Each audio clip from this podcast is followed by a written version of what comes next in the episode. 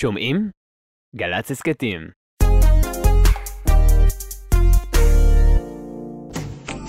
קול הכבוד, עם נתנאל סמריק. שלום לכם, הסיפורים המרגשים מ-70 שנות שידור עם הקלטות נדירות, אחת מכל שנה. בין האורחים, בסדרת התוכניות החגיגיות כאן חווה אלברשטיין. ריטה, השופט העליון בדימוס חנן מלצר, מבכירי הארץ דה מרקר, בוגר התחנה ליאור קודנר, גם ראיון ב deepfake עם ראש ממשלה לשעבר. ואיך הם התחילו? ההקלטות הראשונות, היוצאות דופן של אילנה דיין, עמית סגל, יעקב אילון, תמרי שלום, יונית לוי, ועורך מיוחד בתוכנית הזאת יחד איתנו, אדיר מילר, שלום לך אדיר. שלום נתנאל, מה שלומך? אני מצוין. אתה יודע, טוב, אז uh, היה לעונג, ואולי שאלה אחרונה לפני שאנחנו... Uh, מסיימים. מסיימים. כן? נהנית? היה כיף? היה כיף גדול. היה כיף גדול, וזה מה שאני אוהב בראיונות איתך. קצר, תמציתי, והולכים הביתה. אתה יודע, אחד הדברים המדהימים כשאתה עושה את המופעים שלך, אתה רץ, זאת התחושה, ב-200 קמ"ש לפני הקהל, לא משנה אם יש שם אלף, אלפיים או עשרת אלפים איש, תופס את הפאנץ' ורץ איתו, מאיפה המתנה הזאתי? סקרנות. באמת סקרנות, אני מאוד אוהב uh, בני אדם. אני יכול לשבת איתך לא בהופעה, ובאמת לשאול אותך מה איתך, מה אתה עושה בחיים, למי אתה נשוי, מה אשתך עושה בחיים, מה הילדים עושים. ופשוט בהופעה אני מתעל את זה גם לעוד רובד, ששם אני גם, מעבר לסקרנות, מייצר גם הומור על, ה, על הדבר הזה. אז עם השנים זה נהיה כזה, שאני באמת אוהב לדבר עם הקהל, זה הכיף שלי בהופעות, זה משמר אותי חד בהופעות, וזה מה שעושה כל הופעה שונה. אז אני מאוד אוהב לפנות לקהל, ולראות מה יצא, וכל פעם יוצא איזה משהו. תכף נדבר על אה, רגעים משמעותיים, גם בחיים שלך, גם בפסקול הזה, אבל כדי להתחבר לאווירה, אנחנו לוקחים הקלטה אחת משנת 1996. 96, זה שהתחלתי רק. נכון, אתה לדעתי סיימת את 8200 פחות נכון, או יותר באזור הזה. נכון. הלכנו... מי הקליט אותי אז? אז רגע, קודם כל ניכנס לאווירה בפסקול ואנחנו נשמע הקלטות, יש גם סברס, יש כל מיני הקלטות לאורך התהליכים. וואו, מה קרה פה? אוקיי. אבל קודם כל, הלכנו בהקשר הזה עם מהפכת בחירות רגע מטלטל בתולדות האומה. אני מקווה שהמאזינים שלנו שומעים אותנו. יש כאן אה, אופוריה שעולה ויורדת בהתאם לנתונים שמוזרמים על ידי שני הערוצים. פתאום ערוץ אחד, אני מבין, אה, לא, ערוץ 2 נתן לנו אה, נתון שפרס מוביל עם ארבעה אחוזים. אבל זהו סקר טלפוני רזי, נבדל מן המדגם שהוא נעשה אז טוב שאתה מתקן אותי, כי אנחנו כאן ממש אה, לא, לא רואים ומקבלים נתונים אה, שזורמים אלינו מדפים בלי שאנחנו רואים את, מסכי הטלוויזיה. בכל מקרה אנחנו חוזרים בעצם, שמעון שיפר ואודי סגל, למצב של כמעט תיקו, ומצב של אולי שלושה ימים. עד שיפתחו ויפוענחו המעטפות... הלכנו לישון עם פרס, התעוררנו עם ביבי, אולי רגע מטלטל ב-25 שנים האחרונות של המדינה. אדיר מילר, רגע מטלטל מתוך החיים שלך? רגע מטלטל בחיים שלי. תראה, אני בן אדם אופטימי מטבעי, ואני דווקא, תמיד אני אומר שלמה אנחנו נותנים לרע לנצח את הטוב? תמיד כשאתה אומר לאנשים רגע מטלטל, הם בוחרים, לרוב יבחרו רגע לא טוב. ואתה? אני אוהב שהטוב מנצח את הרע. כל חיי ככה אני פועל. ואני אוהב להיזכר ברגעים טובים, ולא ברגעים לא טובים. מטלטל זה פתוח. ו... מה שהולך לך ועולה לך בלב בתור זיכרון משמעותי ראשון. זיכרון משמעותי, אני חושב שאצלי בקריירה, זה... אני זוכר את הרגע הזה היטב, שאני אוכל שווארמה באבן גבירול, ומתקבל טלפון, ואומרים לי שיאיר לפיד, שהיה לו אז תוכנית, בשנת 2002, רוצה לפגוש אותי, ואולי שאני אעשה אצלו פינה בתוכנית. וזה היה רגע שחיכיתי לו כל כך הרבה שנים, כי תמיד הייתי אומר שהחיים זה כמו רולטה, הכדור מתישהו ייפול על המספר שלך, ואז השאלה מה אתה עושה עם זה. והרגשתי באותו רגע בטלפון הזה שהכדור נפל על המספר שלי, ועכשיו זה בידיים שלי. והלכתי ועשיתי את הפינה, ומשם נפתחה לי למעשה הקריירה כבדרן, כסטנדאפיסט, וזה אחד הרגעים שאני הכי זוכר את הרגע הזה שאתה אוכל את השווארמה, מקבל את הטלפון ומבין הכדור נפל היום על המספר שלי. וכשאתה הולך לתוך הפגישה עם יאיר לפיד, אגב, ראש הממשלה החליפי דהיום, כן. איך אתה שובה את ליבו בעשר שניות תשמע, ראשונות? תשמע, זו הייתה כימיה בשנייה. זה היה כימיה בשנייה, אני זוכר הייתי בן 27, שאלתי אותו בן כמה אתה, הוא אמר לי אני בן 37, אמרתי לו, אז איך שאתה מבוגר ממני, איך זה שאתה מבוגר ממני בעשר שנים ונראה יותר טוב ממני? והוא ישר צחק, ומשם זה נפתח כאילו, ו- ואני זוכר שעוד דיבר על... על משימות, במשימות, ו- ו- וישר הדיבור בינינו נורא קלח ונורא, נורא... זה כימיה בין בני אדם, אתה יודע, בסופו של דבר. אה, אה, זה מה שעשה את העבודה, ואני זוכר שאני עושה את הפינה הראשונה, זה היה ביום רביעי, מסיים את הפינה ומרגיש שקרה משהו. משהו קרה, זאת אומרת, היום הוא לא כתמול שלשום. תזקק לי את הרגע הזה שאתה מרגיש שמשהו קרה.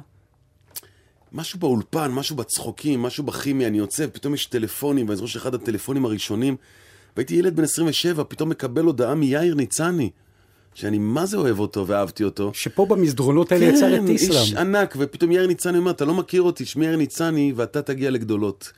וזה היה בשבילי רגע מכונן כזה, ולא יודע, זה מין תחושה כזאת שזה לא, משהו שונה קרה.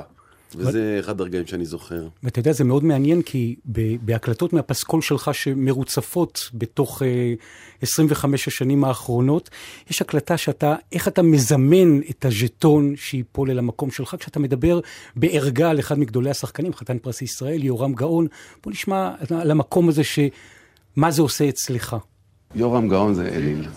בתור ילד הייתי מעריץ את הסרט מבצע יונתן, שיש לו שם נאומים באמת, אה, כל מיני נאומים שפשוט נצרבו לי בתודעה, אם זה אנחנו הולכים להציל יהודים בגלל שהם יהודים, כי אם אנחנו לא נעשה את זה, אף אחד בעולם לא יעשה את זה. זו תהיה משימה קשה ולא פשוטה, אני מאמין שנצליח.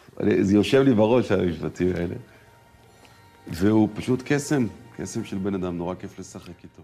למה בחרת ככה להחליט שלעלות על הבמה זה הייעוד? מאיפה ה- ה-wake up call, המישן הזה שלך? אה, אני חושב שהמקצוע שלנו, כקומיקאי אני מדבר, לא כתסריטאי ולא כבמאי, שחקן. כקומיקאי אבל בעיקר, זה מקצוע שלא אתה בוחר אותו, זה מקצוע שבוחר אותך. ועד היום אני רואה קלטות שלי בתור ילד, עושה הצגות, עושה... הילד הזה לא יודע שיום אחד זה יהיה מקצוע, הוא פשוט נהנה לעשות את זה. ותמיד אנשים אומרים לי, כאילו, מתי הבנת שאתה מצחיק? זה, זה לא משהו שאתה מבין יום אחד שאתה מצחיק, זה לא אתה קם בגיל 20, אתה אומר, בואנה, אני מצחיק, זה, זה חלק מהמהות של החיים שלך. זאת אומרת, חוש הומור מבחינתי תמיד היה כלי. כמו שאישה יפה יודעת שהיא יפה, ויודעת שהיא נכנסת לחדר, שמסתכלים עליה כי היא יפה. אז קומיקאי יודע שיש לו את הכלי הזה, שאם הוא רוצה עכשיו, אם אני עכשיו רוצה עכשיו ללחוץ על המכשיר, שההומור יבוא, מה שנקרא, יצוף, יש את הכלי הזה. אז אם זה בשיעור, אם זה אה, בחברה, אם זה סתם שאתה... יש את הכלי הזה מאז שאתה מאוד מאוד קטן, ההבחנות, האובזרבציות, ה... לייצר הומור מכלום בעצם. וסליחה? איזה דלת זה פתח לך? אתה אומר, הכלי הזה שאמרת, הנה סיטואציה... המון דלתות, תן המון. לי אחת. קודם כל זה הוציא אותי מצרות הרבה פעמים. למשל? למשל, היה לי בכיתה ד'-ה' מורה להתעמלות די פסיכופת, שהיום היו מפטרים אותו, מורים שבאמת היום לא היו מחזיקים.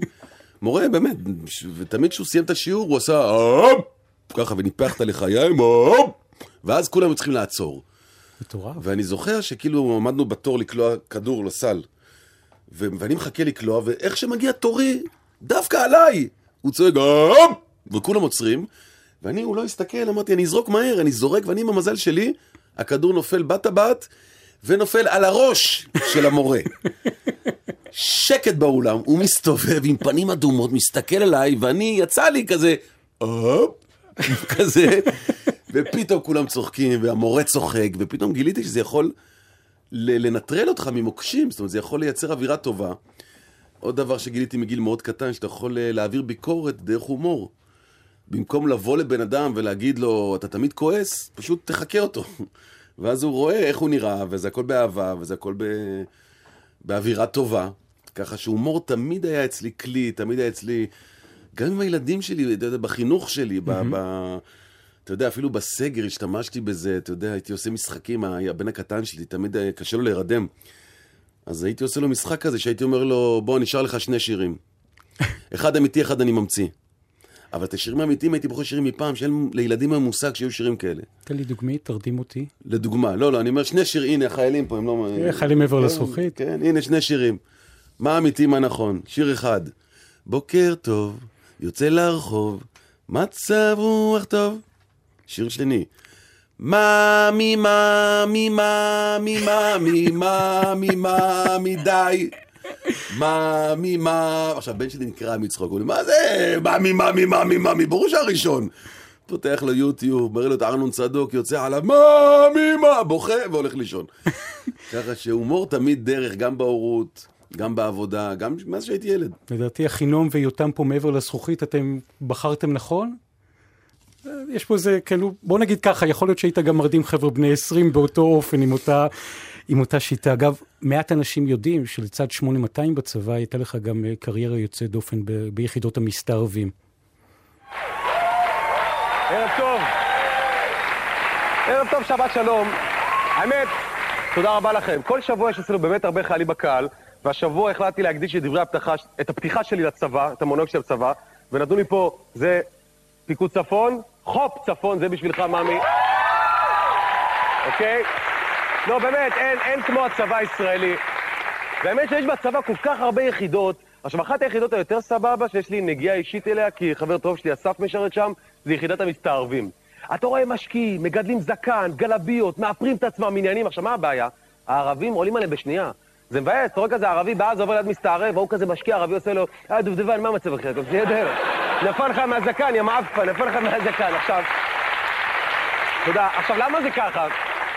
למה מזהים בקלות? כי תחשבו פעם, בדור הפלמ"ח, היו לוקחים, היה מסתערבים כבר אז, והיו לוקחים את כל העולים החדשים מארצות ערב להיות מסתערבים. עכשיו, זה היה סבבה, כי הם גם דיברו ערבית, הם גם התאימו במראה, לא עלו עליהם, היום מי יודע ערבית? רק אשכנזים חננות עשו חמש יחידות. פלא שעולים עליהם, אתה רואה. פסטה בשכם מלא ערבים, פתאום אתה רואה איזה בלונדין, עליהם כחולות וכאפיה עושה להם מרחבה, שוף הדי אל יהוד, יטבח אל יהוד, אנא ערבייה. עכשיו, זה לא עובד. תחשבו זה היה הפוך, תחשבו לערבים מסתא יהודים. היינו עולים עליהם ככה. היית יושב כזה בית כנסת יום כיפור, בא לך איזה אחד שחום עם כיפה, כבר הגיעו אבן המלכנו, תקעו בשופר, צריך מניין, אח שלי, צריך מניין. תגיד, שכחתי את הקטעים האלה, מה זה מרב אדיר, לא? זה כל הקטעים שיש בתוך הארכיון, שנמצאים ב... בדיחה טובה. לגמרי. שכחתי ממנה. לראות אותך פה יושב באולפן, באולפן ה' של גלי צה"ל ומחייך בעונג. כן, כי אני, תשמע, אני זוכר, בדרך כלל אני זוכר את כל הקטעים שלי, והבאת פה קטע שלא לא זכרתי, אז נחמד. בשמחה. תגיד, כשאתה יושב בבית מדי פעם, או שומע וכולי, אדיר מילר מצחיק אותך? אתה יודע מה אתה מזכיר לי? אתה מזכיר לי שפעם אחת דן שילון ראיין את יצחק רבין, ויצחק רבין היה איש מאוד מאוד uh, אמיתי ופשוט. ושאל אותו דן שילון, כבוד ראש הממשלה, שאתה מביט בראי בבוקר, מה אתה רואה? זה מהשאלות האלה שאוהבים לשאול, ואז רבין הסתכל, אמר לו, אותי? מה אני רואה? אז זה נורא מזכיר לי השאלה הזאת, כאילו... אני אחבק את זה כמחמאה. אני זה אני, אתה יודע, אם אני, אם אני מצחיק את עצמי, אתה יודע, הרבה פעמים אני... אני, אני אנשים קשה להם אה, להבין את זה, אבל כשהי- כשהייתי צעיר יותר ועוד לא הייתי מפורסם, הייתי עובר ליד אה, נגיד שלט ענק של שלמה ארצי, והייתי אומר לעצמי, איך שלמה ארצי מרגיש שהוא הולך ורואה בענק שלמה ארצי? וכשנהיו השלטים שלי פתאום, הבנתי שיש אה, איזה זרות, יש זרות בין אני לבין הדמות שלי. זאת אומרת, כשאני הולך ורואה אותי בטלוויזיה, זה לא אני. זאת הדמות. כאילו, זה, זה כאילו, כן, זה, זה עבודה שלי, זה, זאת אומרת, גם בעריכות, נגיד, אני עכשיו עורך את צומת מילר 4, והעורך פתאום אומר לי, בואנה, אתה מגלח קטעים שלך על ימין ועל שמאל בלי רחמים, ואני אומר לו, כי, כי זה לא אני, זה הדמות שלי בסדרה, ואני מת- מתייחס לזה כתוכן, כעבודה. אז ככה שאם אני מצחיק את עצמי, אה, לא יודע. אה, הילדים שלי מצחיקים אותי יותר מאשר אני את עצמי, ואני מצחיק אותם. לראות אותם בסרטונים יחד איתך במהלך כן, כל הם- התקופה האחרונה, הם פשוט קוראים. אבל אתה יודע, אני אומר, הומור יש בכל דבר, צריך לקחת מהרצפה. אתה מבין, אני מגיע פה לתחנה צבאית, ופתאום פלשבקים מהצבא, הדבר הראשון שאני רואה זה חיילים שבוזים. שזה משהו, תראה את המפיקה, תראה את זה שלידה. אין להם כוח לתוכנית הזאת. לא הם נכון. יושבים פה שבוזים מהתחת, מתים לעוף הביתה. יותם על האנרגיות, מה איתך? טכנאים, טכנאים. לא, אבל זה הצבא, הם תמיד שבוזים, לא משנה מה. כל חייל, אפילו הג'ובניקים, אתה אומר לאבי, תישאר רבע שעה אחרי הזמן, זה בסדר, הוא מתחיל, טוחנים אותי. אתה יודע, זה... אז, אז, אז... בכל דבר כמעט יש הומור, אתה מבין? צריך רק לזהות את זה. אתה הולך על הרצפה, רואה חתיכת הומור, ומדלג מעליה, אני התפקיד שלי לאסוף אותה. לגמרי. אתה יודע. 1997, אנחנו ככה רצים בתוך וואי, אני מרגיש חיים הפסקול. שכאלה, מה נהיה פה? 1900... נו, מה, מה, איזה הקלטה מה היה תוציאו לי? פעם? לא, פעם-. לא, יש לך בהקשר- הקלטות של אירוע זה, מאיפה הבאת את זה? שימו לב, אתה ואשתך במיטה, הקלטה שיש לך, מה? מאיפה? צוות התחקירנים שלנו, אבל פה 97, אלבום הבכורה מתוך הפסקול גם של גלי צה"ל, אביתר בנאי. מתי נתנשק? נקרע את החולצה ממך. משפחת אה, בנאי, אה, איך נגיד, אה, הנפיקה זה לא מילה טובה, אבל אה, אה, השנה אביתר, כן. ואתה אומר אביתר ויובל, והמשפחה ככה מתחדשת. יש את אורי, כן, יש את אורי? בעיניי. זה לא ייגמר לעולם. אז לא אתה מדמיין. בהקשר הזה, אדיר, גם את אה, משפחת מילר? כי דיברת על הילדים הקוראים שלך, שאתה בעצם מייסד פה איזה מין דור יוסי בנאי כזה לדור אחד, שניים, שלושה קדימה? אה, לא יודע, לא נראה לי. אתה יודע, קשה לדעת, הם עדיין קטנים. הם עדיין קטנים, הם אבל אני... משחקים איתך לגמרי. כן, אבל אצלנו זה יותר כאילו כיף כזה לעשות סרט עם אבא, זה עדיין לא... אני תמיד אומר, לא משנה מה הם יבחרו. הבן שלי ירצה להיות מאלף מדוזות. אם מבחינתו, זה מה שהוא רוצה, זה הייעוד שלו. אתה יודע, אני אף פעם לא הבנתי את הדור הקודם של ההורים. הרבה פעמים ראיתי אנשים מתראיינים ואומרים, אמא שלי לא האמינה בי, אבא שלי לא האמין בי, אמר, מה אתה עושה את זה, מה זה השטויות האלה? ולא יודע, אני בתור הורה גם, זה משהו שספגתי מהבית. כל כיוון שהבן או הבת שלי ירצו ללכת אליו, אני שמה. אז אם הם ירצו להיות שחקנים, אהלן וסהלן. אם ירצו להיות, לא יודע, טכנאים בגלי צה"ל, אהלן וסהלן. תגיד לי, מבחינת אה, טכניקה, כשאומרים בוא נעשה סרטון עם אבא, וצריך לצורך העניין, אתה יודע, נחשף, נצלם, נקליט, נגיע לאיזה 100, 200, 300, 400 אלף איש, איך החוויה בבית? כאילו לוקחים איזה מצלמה סלולרית ורצים, או שזה... שמע, זה תמיד מדהים אותי. מצד אחד, אני עובד על הסדרות שלי, כל פרק. עובד איזה חמישה חודשים, ועריכות, ו- וצילומים וזה, ואז אתה לוקח את הטלפון. עולה לך איזה רעיון. מצלם, טק, טק, טק, טק, ובום, כל המדינה מדברת לך על זה כאילו זה היה פרק אתמול בטלוויזיה. אה, מאוד אוהבים את זה, אתה יודע, זה מתחיל מאיזה רעיון קומי שיש לי. תראה, הקורונה סיפקה לנו עשרות אבסורדים, שאמרתי, לא יכולתי, זה פשוט, היו כל כך הרבה אבסורדים, כל הקפסולות שבצהריים הם נפגשים ובבוקר הם אה, פרודים, כל מיני דברים כאלה. מגוחך. מגו, פשוט דברים מגוחכים, שעד היום מייצרים לנו דברים מגוחכים. אז אני כאילו, אתה יודע, לא, אפילו אתמול צילמתי הבת שלי על גיל ההתבגרות, לקחתי נייד, אמרתי, תשמעי, יש לי רעיון, בוא נעשה, אני אומר להם את הרעיון, תוך כדי בצילומים עולה לי עוד בדיחה, רגע, עלתה לי עוד בדיחה, נעשה עוד פעם, רגע, עלתה לי עוד בדיחה, נעשה עוד פעם. הם נורא אוהבים את זה. יש גם את השוויון הקדוש, אתה יודע שיש לך ילדים, אתה יודע, אתה סתם נותן מחמאה לאחת הבנות, איזה יפה, את אשתך מיד מאחורה, tell to the other one also, אתה מכיר את זה, לא? ברור שלי מטפלת אה, הורים, כן, אז ככה. אם עשיתי סרט עם הילי, לעשות עם מיילי, עשיתי מיילי, עם אורי, אתה יודע, אז כל אחד גם אני נותן את התירוץ. אורי, אבא, למה לא עשית איתי סרט? כי זה על גיל ההתבגרות, אתה לא בגיל ההתבגרות. הוא אומר, אם אתה רוצה, אני אהיה.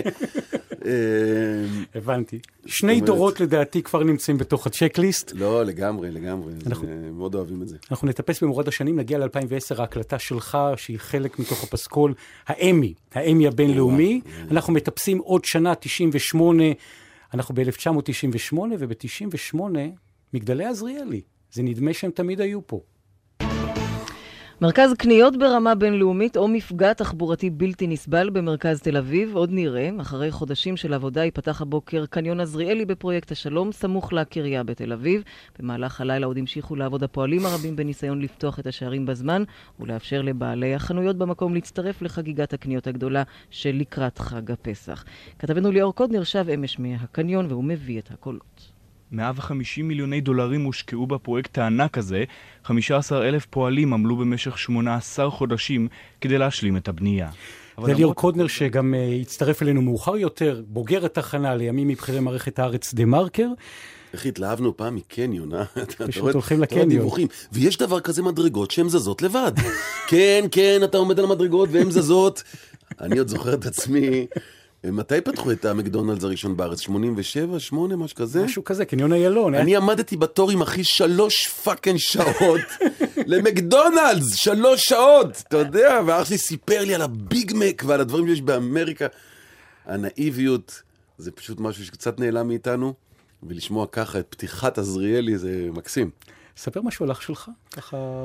תראה, אני יש לי קשר מאוד עמוק עם אח שלי. אני גרתי עם אח שלי באותו חדר, מטר על מטר, עד גיל 24. אתה צוחק. לא צוחק, ואם אתה מתפלא, אני רק מציין שאחי היה בן 26. וואו. ואז אחרי, כשהייתי הגעתי לגיל 24, אמרתי, די, צריך לעזוב, עזבתי את חולון, עברתי לדירה עם שותף, השותף היה אחי. אה, אמיתי לגמרי. שלוש שנים, שלוש שנים היינו יחד בשותפות, והיה לי קשר מאוד מיוחד איתו, כי תמיד ישנו יחד ודיברנו המון וצחקנו המון כל לילה. וכל דבר שהוא עבר, הוא ממש כאילו רצה ודאג שגם אני אעבור. זה היה נחמד, אבל יום אחד הוא התחשמל.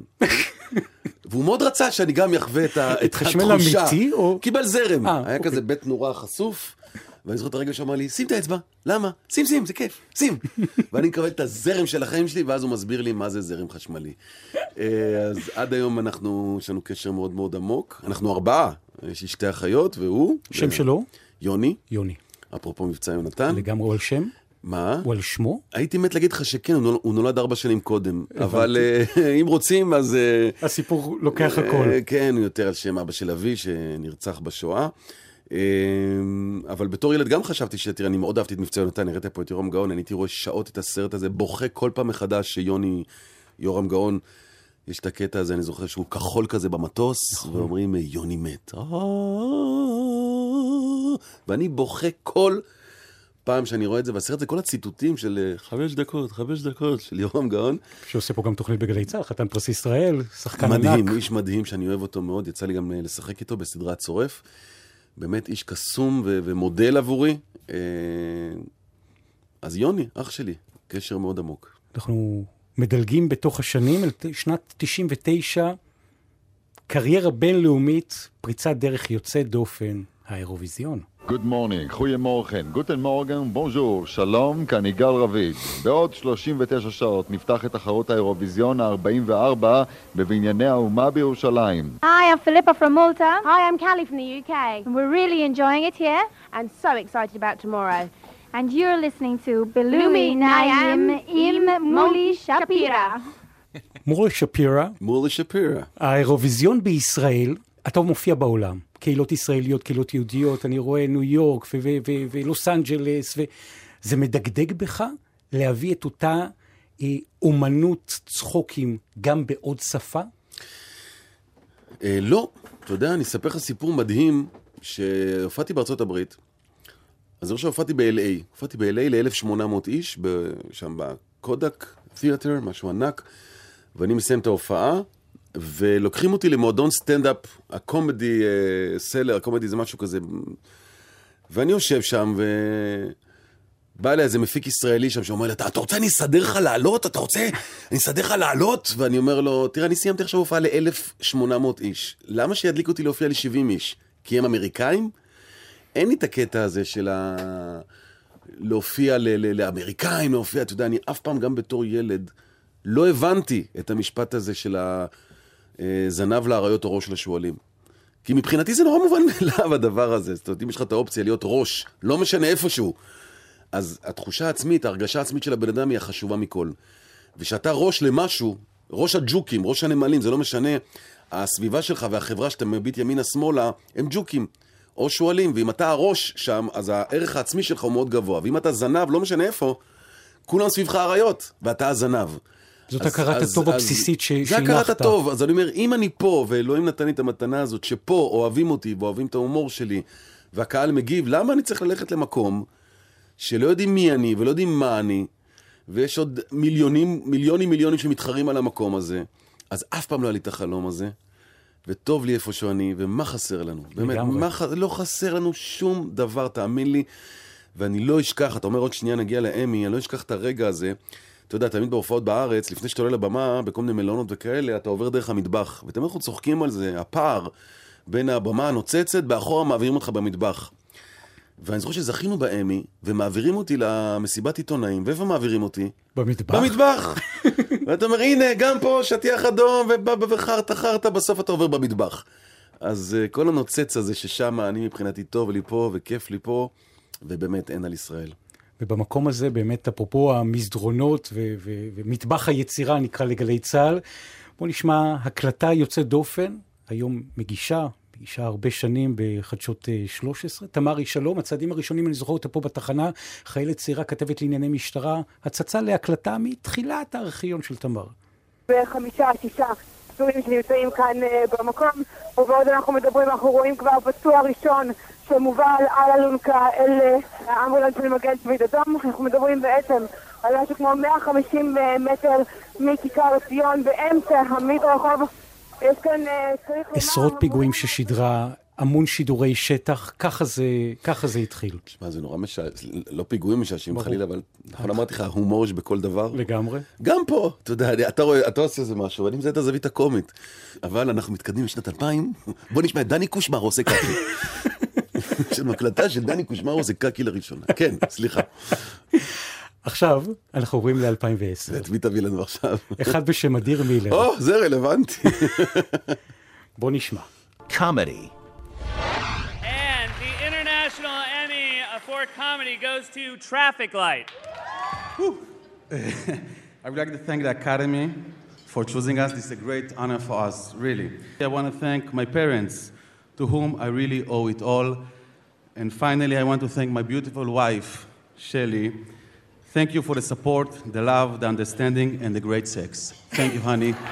I love you. Thank you. תשמע, זה קטע, זה קטע, כי זו, זו הייתה התערבות שלי עם אשתי. אני, אני לא האמנתי ש, שבכלל נזכה. אתה יודע, זה התייחסתי לזה כבדיחה. פתאום מקבל מכתב שאני מועמד לאמי, ואני צריך לבוא רק עם פפיון ועם חליפה וטוקסידו. עכשיו, מאיפה תביא טוקסידו בארץ? תיכנס לקסטרו, לזרה? אין טוקסידו בארץ.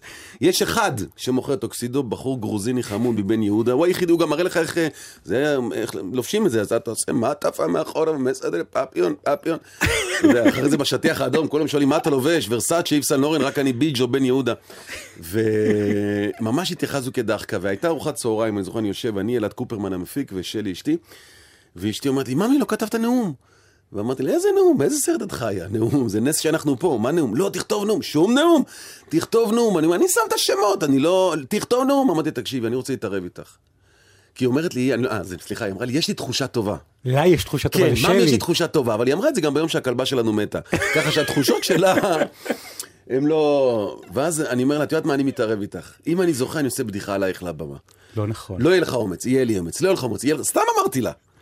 עולה לבמה. ידעת ו- כבר? לא, פתאום אני זכיתי, הייתי בהלם, רועד כולי, לא מבין מה קורה.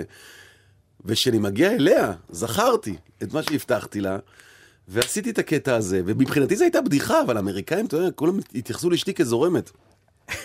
תפסו את זה ברצינות, איפה שהלכתי, את האישה, אהלן אהלן, אתה יודע, זה היה כאילו לא נעים. אבל אם יש משהו יפה באמי, וזה דקה של שפיות, אתה יודע, אני זוכה באמי, נרגש, חוזר לשולחן שלי, השעה הייתה ארבע בלילה בישראל, ויש לי כבר הודעה, אני אומר, מי הספיק כבר לברך? הנשיא? ראש הממשלה? מי?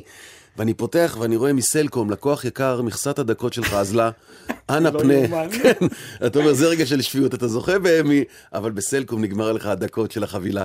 אז אה, החיים הם כאלה, אתה יודע. אדיר מילר. היה לי לעונג, תודה. תודה רבה לך. קול הכבוד, עם נתנאל סמריק. מיד אנחנו ממשיכים כאן יחד איתך, אדיר מילר, מצטרף אלינו גם ליאור קודנר, ואפילו ראש ממשלה אחד בדימוס, בריאיון ב deepfake. הפסקה קצרה, ומיד ממשיכים ביחד.